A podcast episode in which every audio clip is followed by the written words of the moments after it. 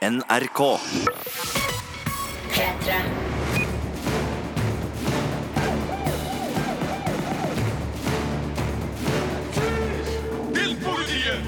Det er en ære og glede å ønske deg velkommen til denne spesialpodkasten fra Filmpolitiet, der stikkordet er Oscar. Fordi hva skjer natt til mandag, Sigurd Vik? Da er det den 90. utgaven av Oscar-utdelingen fra Dolby-teatret i Hollywood, og det er en eh, bursdagsfeiring som eh, er viktig og artig for oss som er glad i film. Oscarshowet er jo det ubestridte høydepunktet i det amerikanerne liker å kalle award season, som vi nå runder av. Litt sånn utsatt av OL, som gjorde at vi havna ut i mars før vi fikk runde av det her, men vi har jo hatt BAFTA og Golden Globes og du verden og du verden, men nå går det hele mot slutten, og det er da litt ekstra artig med en 90-årsfeiring. Jeg er veldig spent på hvordan eh, Oscar-utdelinga kommer til å se ut i jubileumsdrakt. Nå må jeg ærlig innrømme, Birger, men, og nå kan det hende at du ikke heller husker det, men husker du 80-årsfeiringa? Var det noe sånn spektakulært som skjedde da? Så du den? eh? Husker ikke hva som skjedde, det er jo ti år siden, Sigurd, så gudene vet. Der har dere oss. Ja, der har dere oss. Det var sikkert en markering av noe slag, men eh, kan ikke gå inn på det nå. Nei, eh, men det er i hvert fall Jimmy Kimmel som får æren av å lede showet. Han er jo en eh, kjent mann og hadde også den samme jobben i fjor. Gjorde da en god jobb, har også vært Emmy-vert. Eh, Det er faktisk sånn at du må tilbake til det glade 90-tall og Billy Crystal for å finne forrige mann som leda showet to år på rad, så det her er jo litt spennende. Og uten at jeg vet, så vil jeg jo tro at eh, Jimmy Kimmel sin jobb i fjor gjorde at de tenkte at han var de trygge, stødige hendene til å lede det igjen i år.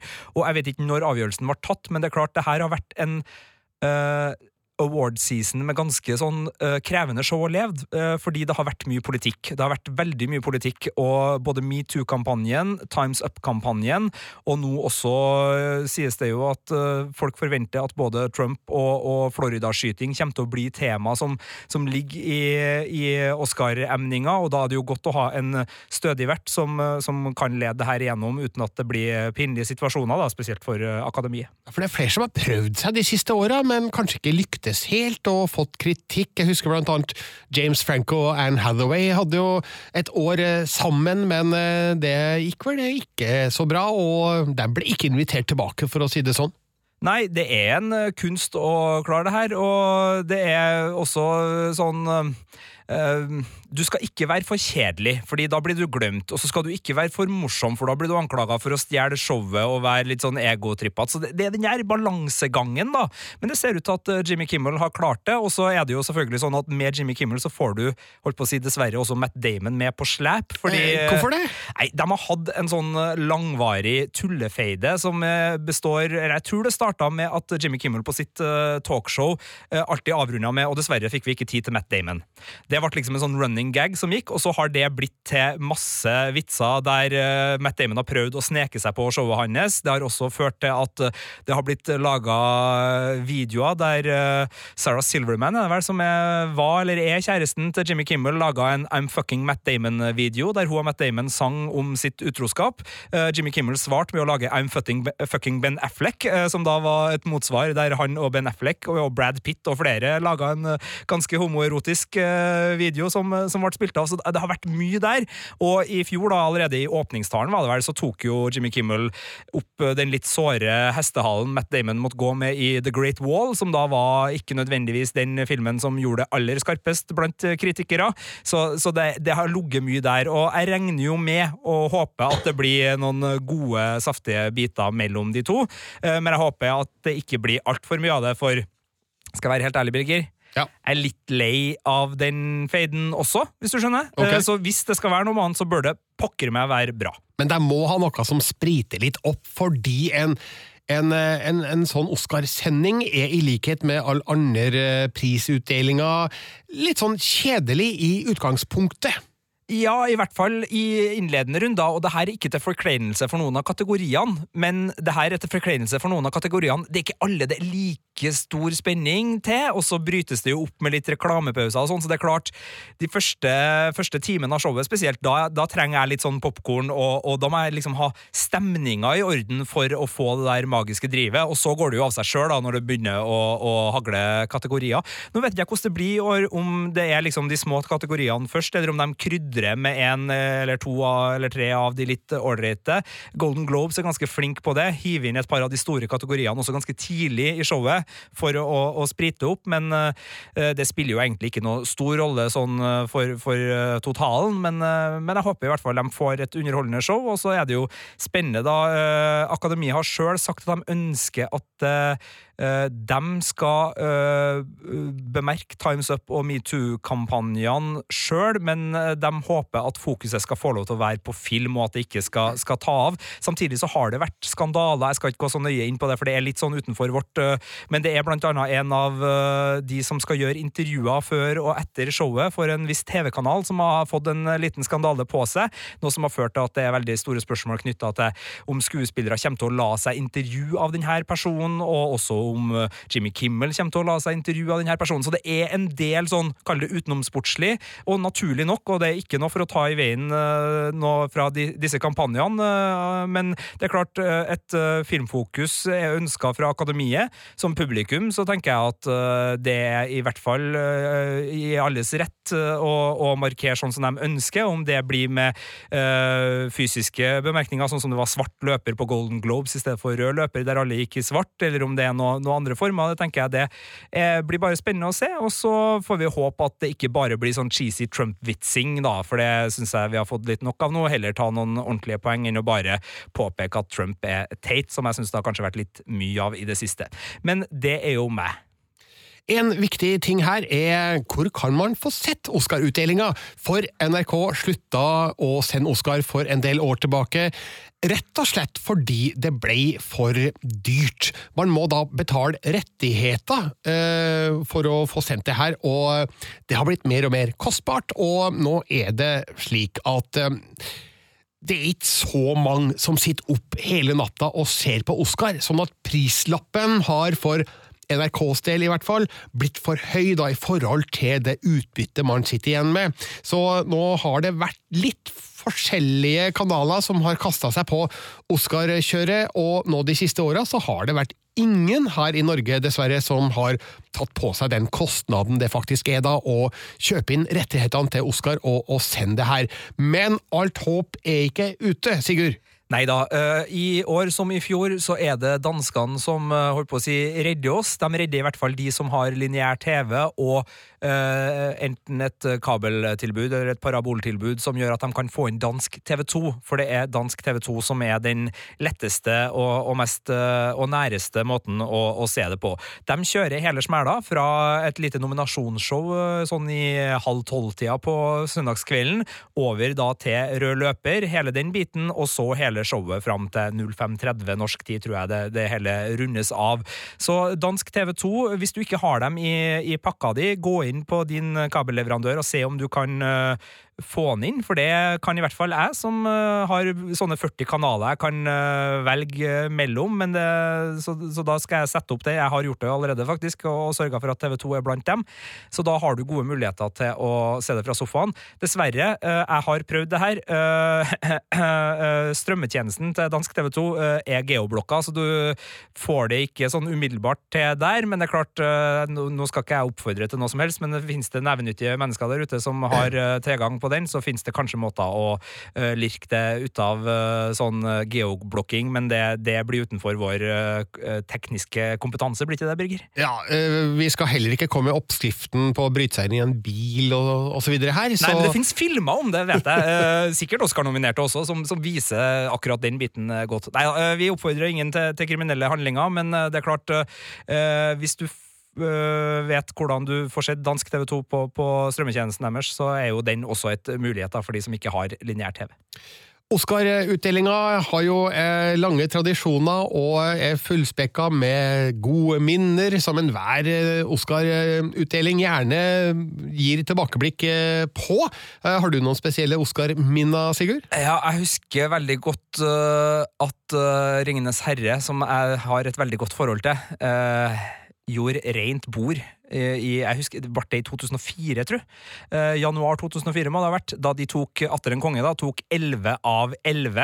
Eh, det er jo en rekord som står fremdeles. Det er ikke den eneste filmen som har mottatt 11 Oscarer, men det er den eneste filmen tror jeg, som har tatt samtlige den har vært nominert til, oppi de, de tallene der. Der fikk Så- jo Peter Jackson og co. betalt for hele trilogien, følte jeg. Ja, det var en, eh, en raus aften, men akkurat da, i hvert fall for meg, som var så uh, utrolig begeistra og Ringenes herre-fan på den tida, så, så syns jeg jo det var, var veldig, veldig veldig stas, og er nok det jeg husker best. Hva med deg? Oscar-minner i et langt filmliv? Det er så mye! Det er så mangt. Jeg husker blant annet eh, altså det, det handler om småepisoder, da. Som da Jack Palance, eh, den gamle veteranen, vant birolle-Oscar for City Slickers. Og det er på starten av 1990-tallet, det her altså. Og han eh, mottar statuetten, og for å bevise at det fremdeles er liv i han, så eh, legger han seg ned på scenegulvet og tar armheving med, ei arm. Wow! Og han var da eh, 90 år, eller noe sånt. Så det var kult. Og så husker jeg Halle Berry som eh, mottok eh, Oscar for rollen i Monster. Og eh, Nei, Monsters Ball, unnskyld. Monsters Ball, ja. Ja. Og eh, knakk helt fullstendig sammen på scenen og grein seg gjennom en takketale som var så svulstig og svulmende at eh, det ble, det ble så flaut at jeg, jeg kunne ikke se på mer. Eh, Så det, det er er sånn motsatt Oscar-minne, da. Eh, og så husker jeg veldig godt da James Cameron, en av mine regihelter, vant eh, Oscar for Titanic. Eh, ble jo beste film det året, og eh, han gikk på scenen og avslutta med de samme orda som eh, Jack, altså Leonardo DiCaprios figur, roper i baugen på Titanic. I'm the king of the world! Veldig kult øyeblikk som eh, eh, jeg i hvert fall husker veldig godt. Og det er jo nå jeg tilstår at eh, den største, største, største største hullet i min filmsamling, holdt jeg på å si, eller så- eh, Ja. Jeg har ikke sett Titanic, Birger. Jeg har ikke sett Titanic. Det er ingen eh, grunn til det, annet enn at eh, da den kom, så var det uaktuelt for meg å se Titanic. I hvert fall betale for å se den på kino. Og etter det så har det bare aldri skjedd. Så, så den, den må jeg få, få sett. Det er jo også en rekordfilm. Den har jo da Det er vel den filmen som den er ikke alene i noen av kategoriene, men den har vel både eh, rekord for antall nominasjoner og antall priser. Så det er den eneste filmen som ligger i begge de kategoriene. Så sånn sett så er Titanic en av de absolutt eh, fremste innen Oscar-historien. Skal vi ta med et lite minne fra i fjor, da feil film ble ropt opp, eller? gjør gjerne det. Det var rare greier. For en tabbe. Eh, Ja, det var tabbe i fjor på La La Land Moonlight-fronten. Men eh, vi satser på at eh, det ikke gjentar seg i år. Ja, altså Warren Beatty og Faye Dunaway hadde rett og slett fått utdelt feil konvolutt på vei inn eh, for å dele ut et eh, Oscar for beste film. De eh, hadde fått med seg konvolutten fra en tidligere kategori, og vinneren i, i den kategorien var noen fra La La Land. Så uh, Way uh, Nei, altså uh, Betty? Beatty uh, ble forvirra, ga konvolutten videre til Faye Dunaway, som ropte opp den første filmtittelen hun så, og det var La La Land. Heldigvis så tok La La Land-folka det med fatning, og Moonlight-folka ble ropt opp på scenen, og det ble jo en lykkelig slutt, men en stygg skrape for eh, Oscar-akademiet der, og de har nok eh, gjort noen grep eh, for at det her ikke skal gjenta seg. Men det jeg går og håper på, da, er jo at Beatty og Dunaway får lov til å komme tilbake og eh, rette opp tabben som de sjøl ikke var ansvarlig for, egentlig. da. At eh, de kanskje får lov til å dele ut eh, beste film i år også, hvis de da har lyst. Det er ikke sikkert de har veldig lyst til det, men eh, det har vært en morsom greie. da. Akkurat sånn som du husker da John Travolta skulle introdusere hun sangerinna fra Frost, og huska ikke navnet hennes, og kom med et helt sånn fantasinavn.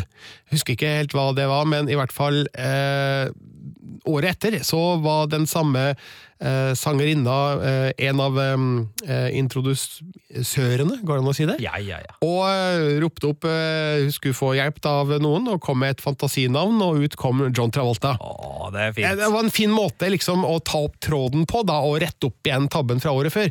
Så hvis eh, Beatty og Dunaway hadde fått muligheten til det, så kunne det vært en morsom eh, liten episode da, i løpet av den Oscar-kvelden. Helt enig med deg, og det er jo den der litt sånn uh, selvironien og, og rausheten som eh, vi blir glad i når, når sånne ting skjer. Jeg vet ikke, altså Det er fullt mulig for folk å, å google seg litt fram til dette, her, men jeg vet ikke så mange av presentatørene som er kjent, men jeg tror at Chadwick uh, Boseman, som spiller Black Panther, uh, og uh, Gal Gadot, som spiller Wonder Woman, skal dele ut en sammen. Det har jeg hørt. At de to superheltene, de to meget populære superheltene skal få lov til å stå for én av utdelingene, i hvert fall. Og når det gjelder musikk, så er det rykter om at Suffien Stevens, som er nominert for sin låt til filmen Call Me By Your Name, også muligens skal opptre. Men det her, nå, nå er vi på ryktestadiet. Bir- Birker, hvorfor lot du meg gå ut på ryktestadiet? Det skal jo ikke være her. Beklager, det skal ikke gjenta seg.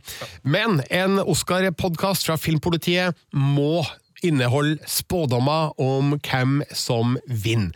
Nå er det slik at vi kan ikke komme med ordentlige spådommer i alle kategoriene, fordi at det er nominerte der som vi rett og slett ikke har eh, sett enda. De kommer på kino senere på året, eller kanskje ikke i det hele tatt.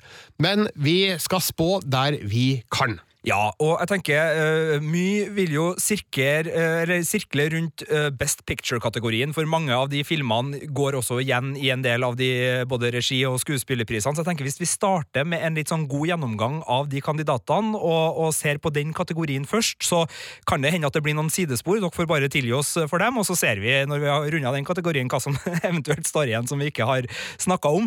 Men um, der er det ni nominerte. Og som du var inne på, Birger, det er kun sju av de filmene vi har fått sett på kino i Norge. Og vi kan eh, ta rekkefølgen og si hvor vi ikke har fått sett.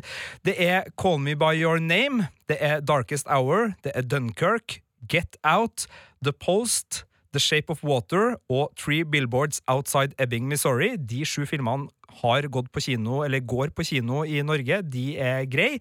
Og så er det da Lady Bird, som kommer på kino nå i mars, og Phantom Thread, som kommer på norsk kino først i april. Så det utgjør da de ni filmene i Best Picture-kategorien. Og det er en av de filmene her som har grepet oss to, i hvert fall mer enn de andre. En som vi virkelig har et stort eh, hjerte for, og det er Call Me By Your Name.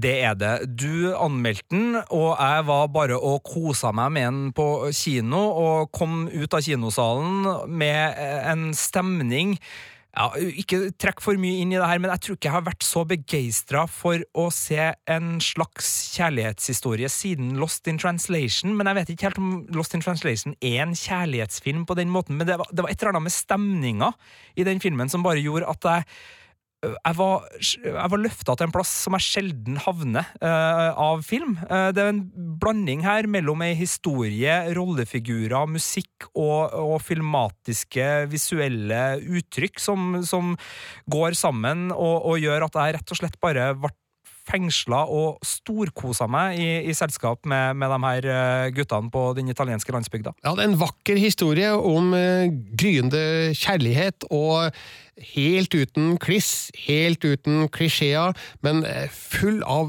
glitrende observasjoner av hjerter i høygir. Og nå siterer jeg direkte fra min terningkast fem-anmeldelse, Sigurd. Ja. Og det er jo altså da en historie om eh, 17 år gamle Elio, som spilles av eh, Timothy Chalamet, også Oscar-nominert for eh, sin innsats.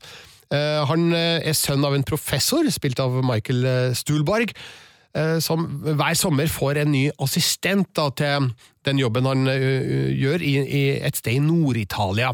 Og så sommeren 83 er det da Oliver, spilt av Army Hammer, som er mm, den utvalgte.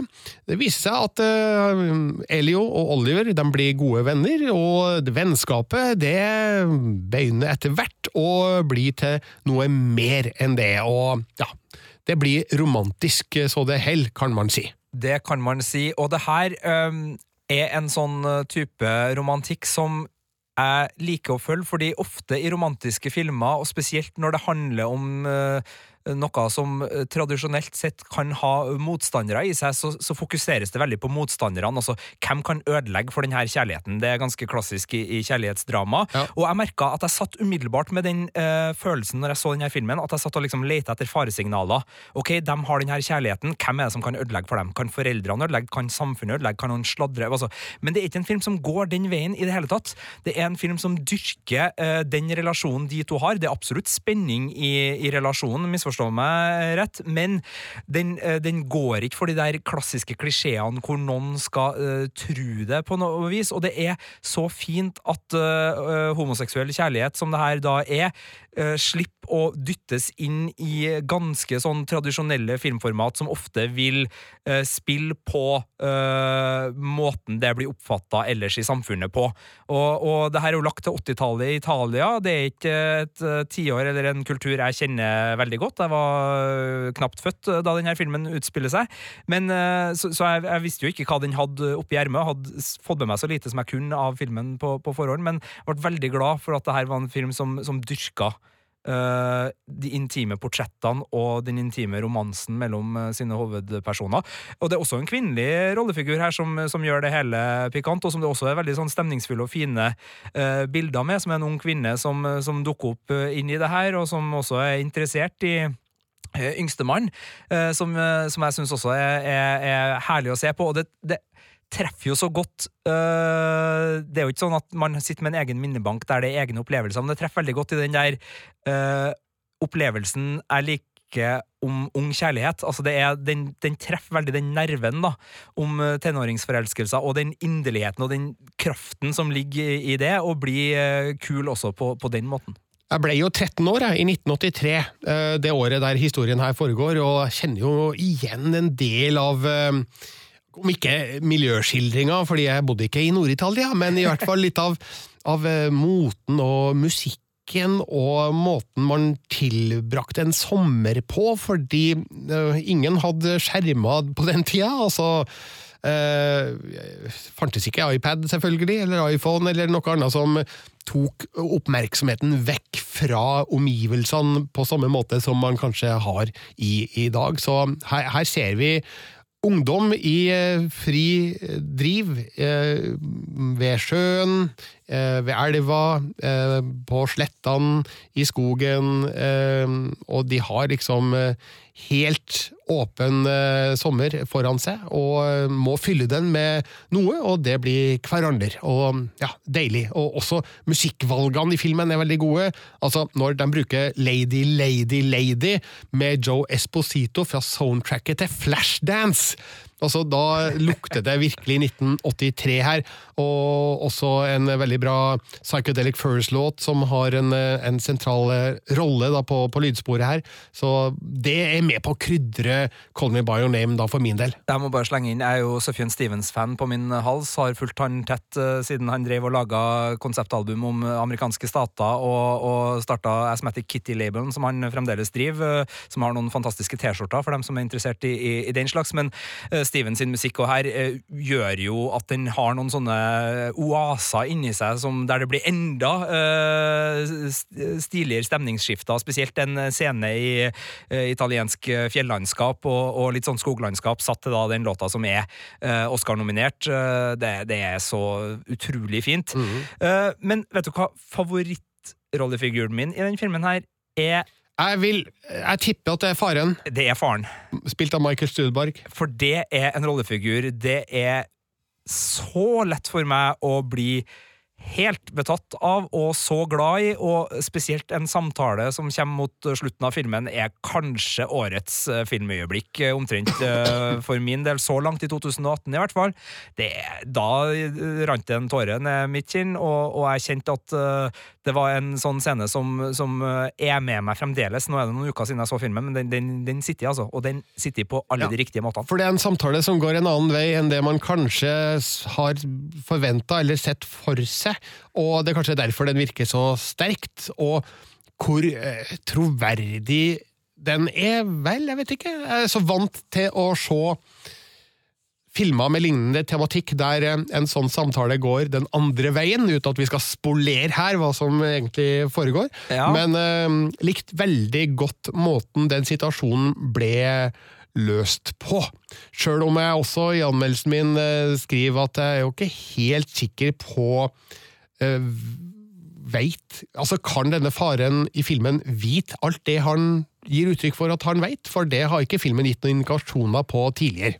Nei, ikke direkte, men det, der kjenner jeg at jeg tenker at uh, her har både mor og far lest uh, alt de trenger mellom linjene, og, og sett kroppsspråk og, og, og fått med seg, så, så den tenkte jeg var, var helt uh, i tråd med med, med, måten den samtalen forløp seg på. Så jeg syns ikke samtalen rykker noe ut av den biten. Men jeg er enig i at forventningene våre, både ut fra, fra, hvem vi er som personer og hvordan filmforståelse vi har ut fra alle de filmene vi har sett, så legges det jo opp til at det her er en samtale som ofte går en annen vei, og det er jo kanskje nettopp derfor den, den treffer såpass godt, da, når den tar den vendinga den gjør. og, og, og spilles også ut på en veldig fin måte i, i dramaturgien, fordi den, den ikke uh, Du ser det ikke med en gang hvor vi skal, men du liksom du blir dradd over, og så skjønner du bare OK, vi skal hit, ja.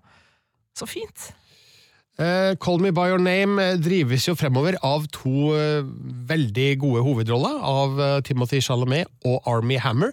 Hammer ble dessverre ikke birollenominert, som jeg egentlig hadde forventa og håpa, men Chalamet er nominert for beste hovedrolle, og jeg tror ikke han vinner, for det gjør skuespilleren i den neste filmen vi skal snakke om.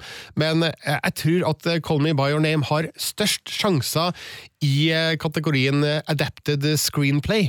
Der er det jo da over 90 år gamle James Ivory som har skrevet manuskriptet basert på en roman, og jeg tror at det er kanskje de største vinnersjansene da Call Me By Your Name har. Ja, jeg er enig, og jeg tror, til tross for at det var den filmen vi kjente på vi, vi, For vi stilte hverandre spørsmålet hos, hvis vi skulle ha stemt med hjertet, hvilken film er det vi ville ha liksom sittet først da? Da var det den her, men uh, den er jo ingen favoritt, og jeg tror heller ikke den, den når opp i, i beste film-kategorien, selv om det vil være en, en, hyggelig overraskelse. Men til tross for at det ikke var den filmen nødvendigvis som har fått best terningkast hos oss, så var det den filmen som hadde grepet oss mest, og, og krysser vel fingrene i den uh, Adapted Screenplay-kategorien, gjør ikke vi det, Birger? Vi er såpass rause. Ja, vi ja. gjør det. Og det kan også tenkes at Sufjan Stevens vinner en Oscar for uh, ei låt han har uh, laga for den uh, filmen.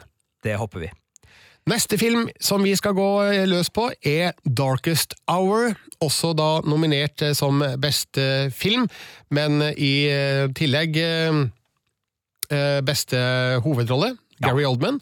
Beste foto beste kostymedesign, makeup and hairstyling, og um, der tror jeg nok at den kategorien filmen stiller sterkest i, er actor in a leading role.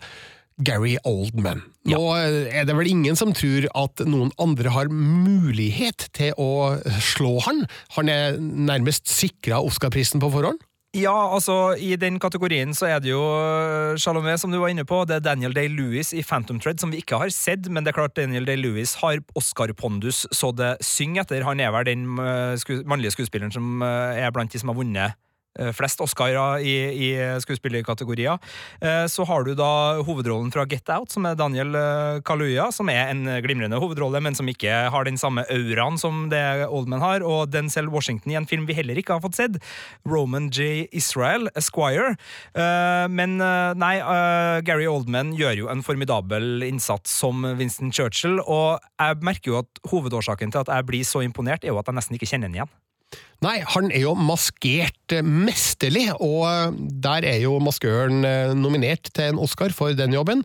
Og kommer til å vinne, fordi det er en utrolig god jobb som er gjort, der du verken kjenner igjen Gary Oldman eller ser at det er en maske. Altså, du ser en person, du ser Winston Churchill, sånn som uh, du husker han fra gamle bilder. Altså, han, han, han, er veldig lik den ekte Churchill, men uh, uten å være helt uh, tvilling, så er Gary Oldman virkelig forandra til det ugjenkjennelige her, men på en måte som lar han spille med all den ansiktsmimikken han behøver da, for å personifisere Winston Churchill.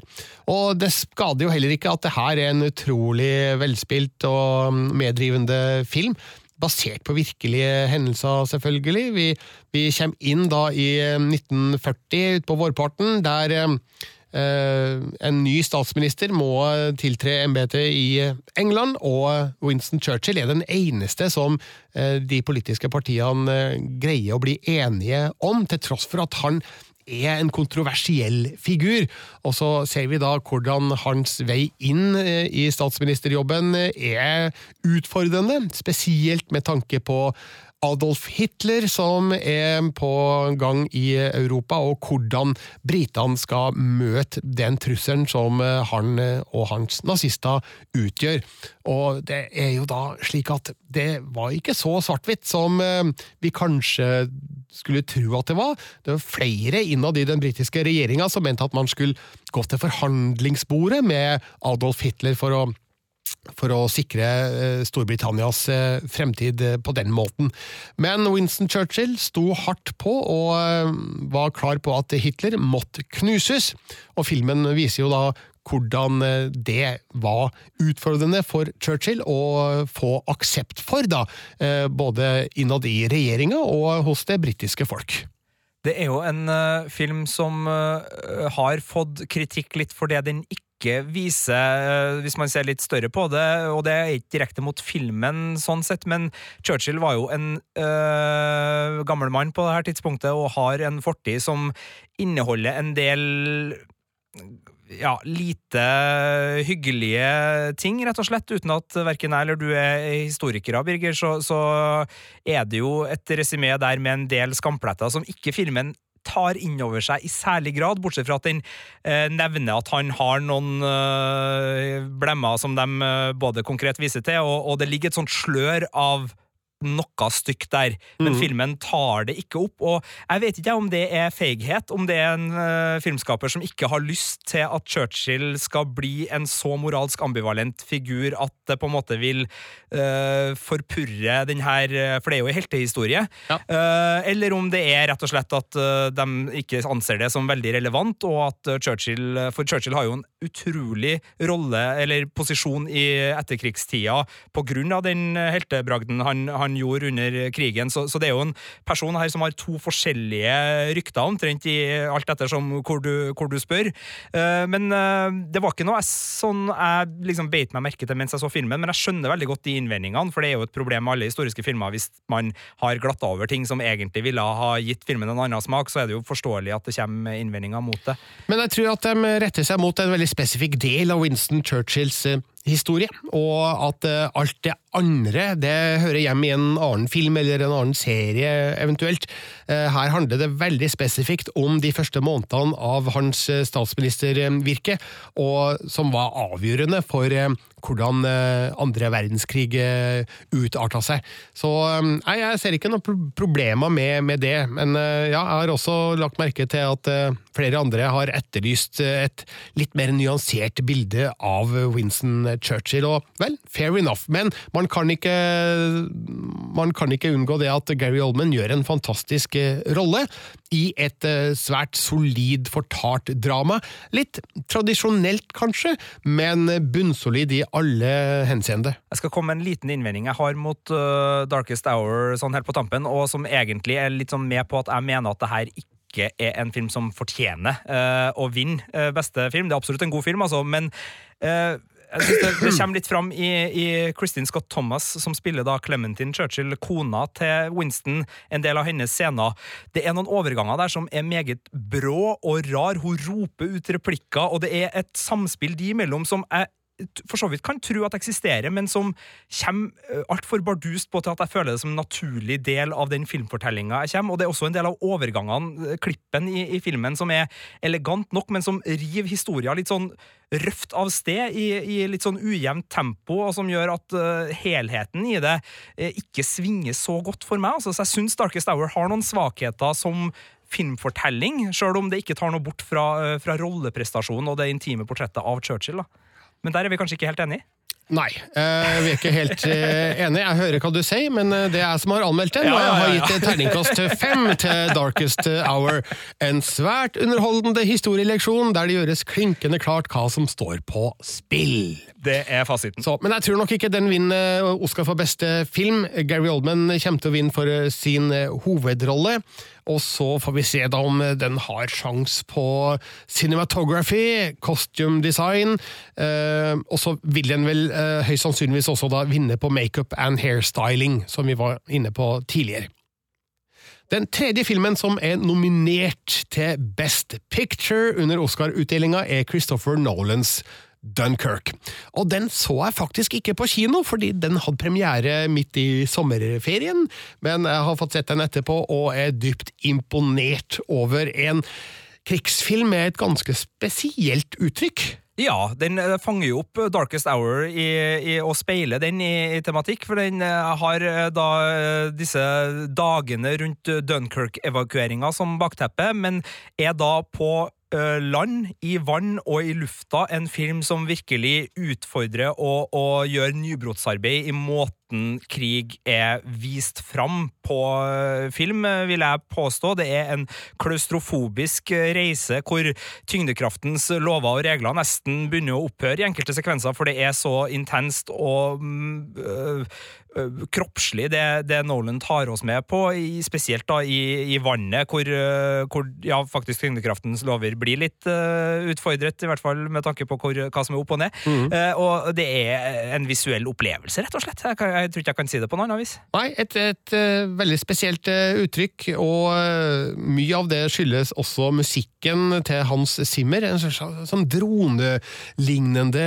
musikk som er der nesten hele veien, og gir en sånn enerverende følelse av uro. Ja, og, og, og så gir den også en puls til det hele som gjør at hjertet kropp, liv, død får uh, noen sånn underliggende mekanisk over seg som, som jeg liker, og som gjør at vi aldri går ut av det, for det handler jo om liv på spill her. altså Som Darkest Hour uh, også var inne på, hvis man ikke hadde fått evakuert uh, disse menneskene, så er det snakk om veldig veldig, veldig mange menneskeliv som går tapt, og nesten en utryddelse av den britiske hær. Så det er, det er, så store masser det er snakk om her. Mm. Men i de store massene, da, i både menneskemasser og i, i fysiske størrelser ellers, så, så syns jeg Nolan har uh, klart å komponert en, en, veldig harmonisk øh, film også, på, på sett og vis. Jeg syns luftangrepene og redningsaksjonen i lufta, der Tom Hardy er en av de sentrale skuespillerne, er akkurat den friske, litt sånn uh, lufta du trenger å få i deg mens du sitter og ser filmen òg, for nede på bakken og nede i vannet, der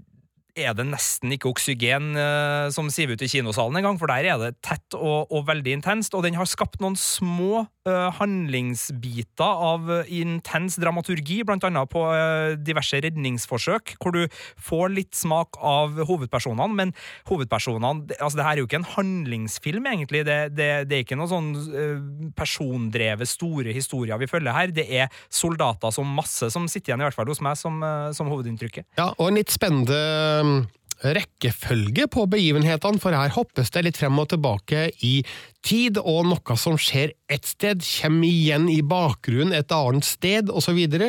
så uh, den utfordrer seeren til å prøve å koble alt det her sammen, da, sånn at man skjønner hvordan historien henger i hop. Og, og, det gjør den jo, hvis du følger litt med. Men uh, sånn som far min har måttet slite litt med å, å, å skjønne hva som skjedde når. Um, så jeg måtte, vi, vi, så den sammen i hjemmekinoen hjemme hos meg, og jeg måtte forklare den at det ja, nå er vi tilbake på det stedet vi så et glimt av i starten av filmen, ikke sant? Ja. ja så bare for å hjelpe litt på vei, da. Det er jo et veldig Nolan-grep, og det er jo der eh, Nolan er jo veldig glad i det å sette opp et slags regnestykke som må løses underveis, uansett om det er Batman-filmer han lager eller ikke. Og, og det her, men det her syns jeg var et lite påtrengende grep, samtidig som det var veldig virkningsfull. Og så får han jo til å bruke været da, som et fortellerelement for å signalisere det her på, på veldig fiffig vis. Mm. Så eh, fiffige Nolan fikk eh, laga en fiffig krigsfilm, absolutt. Ved siden av å være nominert som beste film, er den også nominert for cinematography, for regi. Eh, filmediting, uh, music, production design og sound editing og sound mixing. Jeg tror ikke at den er en best movie-kandidat, egentlig, men uh, av disse så lurer jeg på om produksjonsdesign og eh, lydmiks kanskje er de kategoriene der Dunkerque kan gjøre seg best gjeldende. Hva tror du? Det tror jeg er riktig. Eh, Nolan som eh, best director er jo også noe mange har venta på. Eh, Guillermo del Toro er der, da. Ja. Eh, der er også Greta Gervik. Vi har ikke sett Ladybird ennå, men den får veldig mye, mye skryt. Der er Jordan Peel med, med Get Out og Paul Thomas Anderson, Phantom Thread. Det er et elitelag av regissører, der jeg tror Guillermo kan stikke av med, med hele sulamitten, men en outsider, Christopher Nolan, på, på, regi, eh, også i kraft av navnet sitt, fordi eh, det er jo det med at han har blitt eh, kanskje litt oversett enkelte ganger, mm. vi, kanskje noen mener, uten at det finnes en fasit der, men ja, en outsider.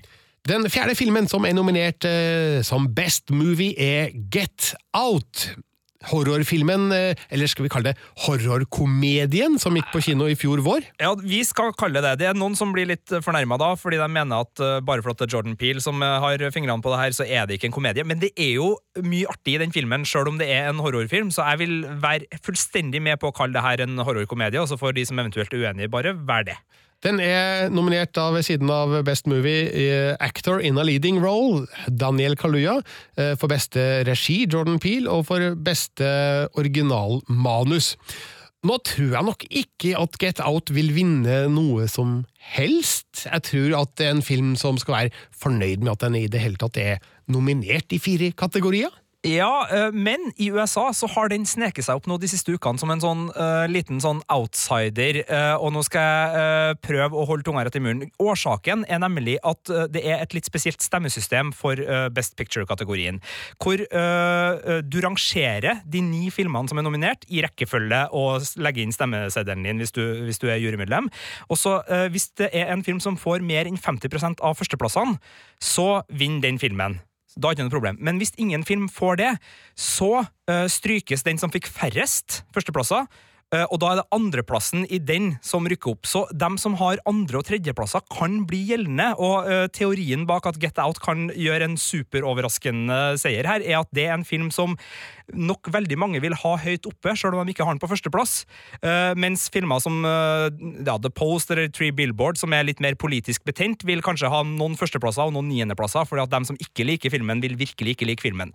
Så enkelt uh, fortalt, og ikke helt komplett bilde av stemmesystemet her, men jeg håper folk er overbærende med akkurat den biten. Men, så det fins teorier på at Get Out kan gjøre det bedre enn man kanskje forventer på papiret, men jeg er enig med Birger. Det er nok den filmen jeg har øh, kosa meg mest sånn popkornmessig med av ja. de nominerte. Virkelig en knallfilm. Uh, men uh, jeg ser vel ikke at den er en favoritt i noen av de kategoriene den er nominert til, med mindre da uh, det blir sånn som stemmekonspiratørene i amerikansk presse vil at det skal være. film nummer fem, Ladybird. Den uh, har vi ikke sett. Altså film nummer fem i Best Movie-kategorien. Uh, men uh, det er jo da Greta Gervigs nye film. Hennes debut som spillefilmregissør. Hun har jo vært med og laga filmer sammen med Noah Baumbach tidligere, og, og, er jo en skuespiller som får veldig mye skryt av Lady Bird traileren ser jo veldig underholdende ut. Jeg har sett den noen ganger når jeg har vært på kino i det siste, så jeg gleder meg veldig til Ladybird. Men eh, å skulle med noe om en film vi ikke har sett, det, det dropper vi vel rett og slett, Birger? Ikke vi det? Vi gjør det, men uh, man har jo hørt at uh, Sosha Ronan gjør en veldig god hovedrolle, som hun er nominert for. og Eh, kan kanskje være blant eh, vinnerkandidatene der. Ellers er Laurie Metcalf eh, nominert for sin birolle. Greta Gervig nominert for regi, og også for Original Screenplay. Og så er den da selvfølgelig nominert som Best Movie. Men også her føler jeg, ut ifra det jeg har hørt da om filmen, som jeg ikke har sett at eh, jeg, jeg, tror ikke den nødvendigvis stikker av med noen Oscar-priser natt til mandag. Eh, Phantom Tread er den nye filmen fra Paul Thomas Anderson, som jo er en klasseregissør, og han har ikke hvem som helst med seg på, i hovedrollen, nemlig Daniel Day-Lewis, som har gjort fra seg greit i Oscarsammenheng tidligere. Ja, de to eh, er jo veldig, veldig stabile navn å kaste inn i enhver Oscar-diskusjon. Vi har jo ikke sett den heller. Det er den andre filmen som ikke har fått kinopremiere i Norge ennå. Får dessverre ikke kinopremiere før i april, så her ligger vi kraftig bakpå med tanke på premieredato. Mm. Så vi har jo ingen formening om å, å, vurdere kvaliteten på den her, eh, sånn som det sies, men den er ikke blant favorittene, den heller. Eh, den, I hvert fall ikke blant de, de store amerikanske nettavisene, Hollywood Reporter, Variety, Vanity Fair osv. Men ja, nei, det blir jo vanskelig. Men det er klart, Daniel Day Day-Lewis i Best Actor-kategorien skal man jo aldri se bort fra. Nei, og så er den eh, også nominert for eh, beste kvinnelige birolle, Leslie Manville. Eh, beste regi, Paul Thomas Anderson. Beste musikk, og så er det ja, Johnny Greenwood der, fra Radiohead. Og så er den nominert for beste kostymedesign, og den burde den jo vinne, da, fordi at filmen handler jo om en moteskaper i London på 1950-tallet. Eh, så jeg vil jo anta at, eh, at eh, bekledningen er upåklagelig i Phantom Tread. Men som sagt, vi har ikke sett filmen. Den har ikke hatt premiere i Norge enda, så vi skal ikke mene så veldig mye videre om den. Nei, Men det var den siste filmen eh, som vi snakker om som vi ikke har sett. For resten av filmene har hatt norsk kinopremiere. Men den som er nummer Ja, det er det sju vi er på nå? Ja. Den har kanskje bare jeg sett, Birger? Ja. The Post av Steven Spielberg med eh, Tom Hanks og Meryl Streep i eh, hovedrollene. Uh, take it away, Sigurd. Ja, det er en klassisk journalistthriller, det her. Tenk All the President's Men, tenk Spotlight. Det er en uh, historie basert på virkelige hendelser fra uh, det glade 70-tall, da The Washington Post publiserte det som da var Pentagon-papirene, som var en rapport som tidligere forsvarsminister Robert McNamara bestilte under Vietnamkrigen, og som viste hvordan amerikanske presidenter i tur og orden hadde løyet, både for det amerikanske folk, men også kanskje kanskje enda mer eh, problematisk, den amerikanske kongressen. Og for de som har sett den meget grundige og flotte dokumentarserien Vietnam, som ligger på NRKs nett-TV, ligger fremdeles der, så vet dere litt hva det her handler om, for den uh, tar for seg det her uh, fra flere ståsted. Steven Spielberg han zoomer inn på redaksjonslokalet, lar Tom Hanks være, være redaktør, lar Meryl Streep være aviseier, og spille ut et meget underholdende avisdrama der ytringsfrihetens prinsipper står på spill, og det er masse små uh, spenningstråder. Det er et herlig bilrollegalleri, blant annet med Bob Odenkirk som gravende journalist, og du har også The New York uh, Times, som er avisa som først får tak i det her, men som uh, er da i denne filmen de litt feige, som uh, føyer seg da uh, Jeg vet ikke om det er Høyesterett, men i hvert fall Nixon-regjeringa sier dere får ikke lov til å publisere, så da sier New York Times ok, men The Washington Post da kommer etterpå, får tak i de samme papirene og, og kjører i gang.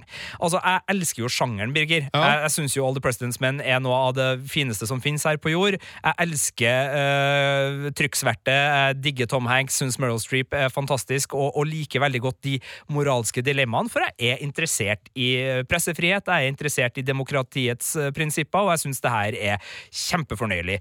Den er vel heller ikke blant favorittene til å vinne, og selv om jeg klina til med en terningkast seks, så har den jo blitt kalt presseporno og fått terningkast fire også her i Norge, så det er jo en film som deler kritikerne litt. Den har jo også en veldig sånn bred slagside mot Trump, noe som gjør at uh, den kanskje vil uh, havne litt i halsen på en del av akademiets uh, velgere. så, så The Post er nok kanskje hakket for kontroversiell til å vinne, sjøl om, uh, som du gang på gang uh, treffer med, de er opptatt av å være aktuelle. Oscar. De ja. er veldig glad i filmer som, som treffer nå i tiden. Det, det, det jeg har tenkt, da, at uh, hvis The Post skal ha en mulighet, så er det nettopp det at den kanskje sparker mot aktuell tematikk. Eh, men eh, nei, som du sier, det kan hende at eh, det her er usmakelig for noen av Oscar-akademiets medlemmer, sjøl om jeg tror nok at de fleste som er medlemmer der, har en politisk overbevisning som peker i motsatt retning av Trump. Ja, og om man ikke har en politisk overbevisning som gjør det, så er det jo noe med at hans, eller Trump-administrasjonens angrep på pressen er jo mer enn bare politikk. Det er jo eh, noe som, som treffer bedre. Men samtidig, i USA, eh, det har jo ført til en veldig merkelig situasjon hvor både CNN og Fox har havna i hver sin leir, og det, det, det er absurd å, å, se på, og det gjør jo filmen desto viktigere, syns jeg, at den skaper debatt og, og litt tankespinn rundt pressens rolle i et fritt demokrati, og, og som vaktbikkje overfor politikere og, og, samfunn. Men nei, det, det, blir spennende. Jeg hadde tenkt, når jeg så den filmen og gikk ut av kinosalen, så tenkte jeg altså Spielberg, John Williams, Tom Hanks, Meryl Streep, altså det, det lukter Oscar av det her. men det er ingen store sånne tro på den filmen eh, ellers, men man nei, skal aldri si aldri. Nei, den er jo bare nominert i to kategorier. Best uh, film uh, og beste kvinnelige hovedrolle, altså Meryl Streep. Det vil si at Steven Spielberg er ikke nominert for beste regi, for eksempel. Og hadde ikke vært for at Frances McDormand er så sabla god, så tror jeg kanskje at Meryl Streep, som er den kvinnen som jeg har vært Oscar-nominert for beste skuespillerinne flest ganger, jeg tror hun har 21 nominasjoner og sånn opp gjennom uh, historien, det er helt elleville tall. Jack Nicholson er på herresida der. Uh, men uh, Meryl Streep kan kanskje få Best Actress, men jeg er ganske sikker på at Frances McDormand tar imot den prisen ved en, slutten på kvelden. Ja, siden du er innom Frances McDormand, la oss hoppe rett over da, til Three Billboards. Outside Ebbing, Missouri, som er filmen hun da spiller hovedrollen i. Den er nominert for beste film, beste um, mannlige birolle to ganger, faktisk. Woody Harrelson og Sam Rockwell. Beste klipp, uh, beste musikk beste sang, og da selvfølgelig actress in a leading role, Frances McDormand. Ja. Heller ikke den filmen har jeg rukket å se ennå. Du har ikke det, nei. Men eh, det er en knallfilm, så den skal du bare fære å se. Den vant jo også Golden Globe og er en av de to store favorittene på, på forhåndsvis her. Den mangler Best Director-nominasjon, eh, sånn eh, som mange mener at du, du skal gjerne ha, være nominert i begge hvis du skal, skal vinne en av de. Mm. Men, men, det er en ensemblefilm som, som virkelig treffer. Igjen en film som har en, om ikke politisk slagside, så er den innom både rasisme og politivold. og politi politiets inkompetanse, og det er jo noe som treffer strømninga i det amerikanske samfunnet, både Black Lives Matter og, og, andre bevegelser, så den har også det lille biten. Men det er en øh, film som med sort humor og litt sånn nesten sånn Cohensk. Det er lett å si da når det er Frances McDormand at det er litt sånn Cohensk, men, men den er herlig øh, laga og, og, har et manus som øh, tar litt mange vendinger, og som kan være litt sånn oi, jøss, øh, som Eh, tøye fiksjonstroverdigheten litt, men det er en eh, hjertevarm og, og ganske hardtslående film som, som, tar for seg da, en mors kamp mot rettssystemet, som ikke har klart å finne datterens drapmann, og heller ikke gjort nok innsats. Da. Så da blir det Three Billboards Outside Ebbing, Missouri, som da godt kan eh, stikke av med, med beste pris, men så er han jo i kamp mot den andre store favoritten, og den så du forrige uke, Birger, og da skal vi over til en som er både nominert i beste regi og på beste film, og vi snakker da om The Shape of Water. Ja, nominert i 13 kategorier, som jo er nesten rekord. Eh, hvor mange av eh, dem den kommer til å vinne, det blir jo det store spenningsmomentet da, natt til mandag. Men nå virker det som at de aller fleste tror den kommer til å vinne Best Movie. Den er veldig populær. Eh, den er jo fryktelig godt laga, og så handler den jo om filmhistorie. Eh, det er jo en, en, blanding her av god gammeldags monsterfilm fra Hollywood, kombinert med nymotens fortellerteknikk, som Guillermo del Toro er en mester på. Og det er jo en uimotståelig kjærlighetserklæring til filmmediet, som jeg kalte det i min anmeldelse, som eh, fikk med seg en sterk terningkast eh, fem. Eh, det er jo en litt merkelig historie, det her, da, om vaskedama som får et forhold til en amfibieskapning på et laboratorium i USA på starten av 1960-tallet. Og, og, hvis vi har et ankepunkt mot filmen, både jeg og du, Sigurd, så er det at eh, dette, denne kjærlighetshistorien som det etter hvert utvikler seg til å bli, den er litt rar. Den er litt rar, og hvis vi eh, hyller Call Me By Your Name for å klare å gripe med sin kjærlighetshistorie i starten av denne podkasten, så er vel problemet til The Shape of Water det eneste egentlig problemet vel å merke at kjærlighetshistorien mellom den stumme vaskedamen og amfibiemonsteret er veldig så, Det er et fint eventyr, men det er ikke kjærlighetshistorie som virkelig drar deg med, og som uh, uten enhver tvil liksom må være der. Altså, den er litt kunstig. Ja. Den er litt sånn eh, litt merkelig, og, og den klarer liksom aldri å være den nerven i filmen som gjør at du, du får det der stolkantspenninga helt eh, med. Det er mye som står på spill her. Eh, Et monster skal jo tross alt brytes ut av et eh, militært anlegg. Det er jo ikke småtterier. Eh, Og det er en kul eh, fluktfilm, eh, eller eh, hva man nå skal kalle det, og den er, som du var inne på, en cinematisk nytelse av dimensjoner. Musikken, mwah, Ja. alt er godt, men jeg skulle Ja, nei, den kjærlighetshistoria er litt eh, skurr, altså. Den er litt skurr. Ja, jeg syns jo filmen er veldig god. Eh, Det er så mye kvalitet her. Eh, Du nevnte musikken. eh, Altså, eh, fotografiene. Fotografiene, filminga, altså, er jo utrolig nydelig gjort, og produksjonsdesign er så smakfull og så retro, og så grønn, ikke minst, at eh, det er en nytelse å se på. Og Guillermo del Toros fortellerstil og overganger og visuelle påfunn, det er så rikt. Og han, han trekker jo ting ut fra filmhistorien her og bruker det eh, på sin egen måte og gjør det så vakkert at har man sans for eh, gamle amerikanske filmer, så finner man så mange referanser her at det, det, det er bare deilig å se på. Ja, og så syns jeg jo at det her viser at Guillermo del Toro Det, det har han jo for, så vidt egentlig kanskje allerede gjort, men han, han er nå hovedleverandøren i Hollywood av eventyrlige fiksjonsfilmer som Tim Burton kanskje var for en del år tilbake. Han har tatt over litt de samme egenskapene som kjennetegna de aller beste Tim Burton-filmene da han leverte dem på rekke og rad, med Edvard Saxehan, med Ed Wood, med Beetlejuice, med uh, hva det nå enn skal være, Big Fish, der han også kombinerte eventyret med eh, det filmatisk storslåtte og gode historier med fantastisk musikk og, og figurer som bare var fantasirikdom per excellence. Det har jo Guillermo del Toro gjort siden Pans labyrint, og, og kanskje før det også, Eh, men eh, nå er han helt der oppe og, og viser altså, den introsekvensen.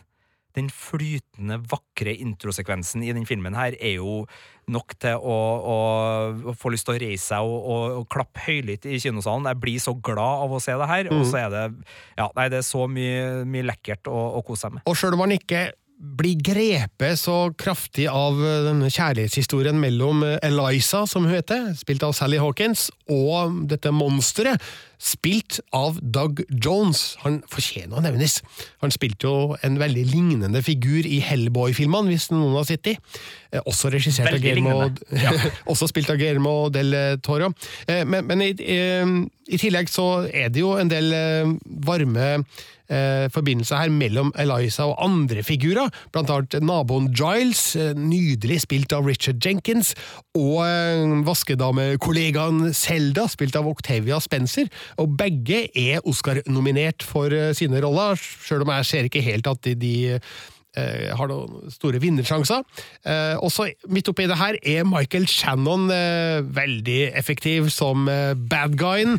Oberst Strickland, som da har fått i oppgave å passe på denne amfibieskapningen, og gjør det på en ganske voldsom måte. Ja, Han er på en måte et helt fordreid, fælt speilbilde av Don Draper, satt jeg og tenkte på fra Mad Men når jeg så denne filmen. her, For han, han bor i den samme på en måte 50-talls idylliske amerikanske forstadslivet, hvor eh, en eh, blågrønn Cadillac eh, utgjør mye, og, og den blonde konen er hjemme og, og steller med maten og steller med barna.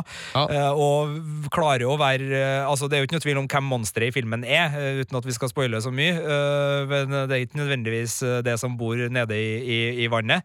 Eh, det er Ja, han er, han er helt på høyde med det beste han har levert av ufordragelige folk tidligere.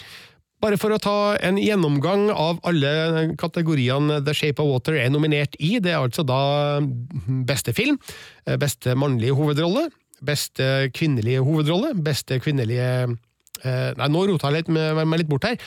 Beste film, beste mannlige birolle, beste kvinnelige birolle, beste kvinnelige hovedrolle, eh, også det da beste cinematography, kostymedesign, regi, klipping, musikk, produksjonsdesign, lydklipp, lydmiks og eh, originalmanus.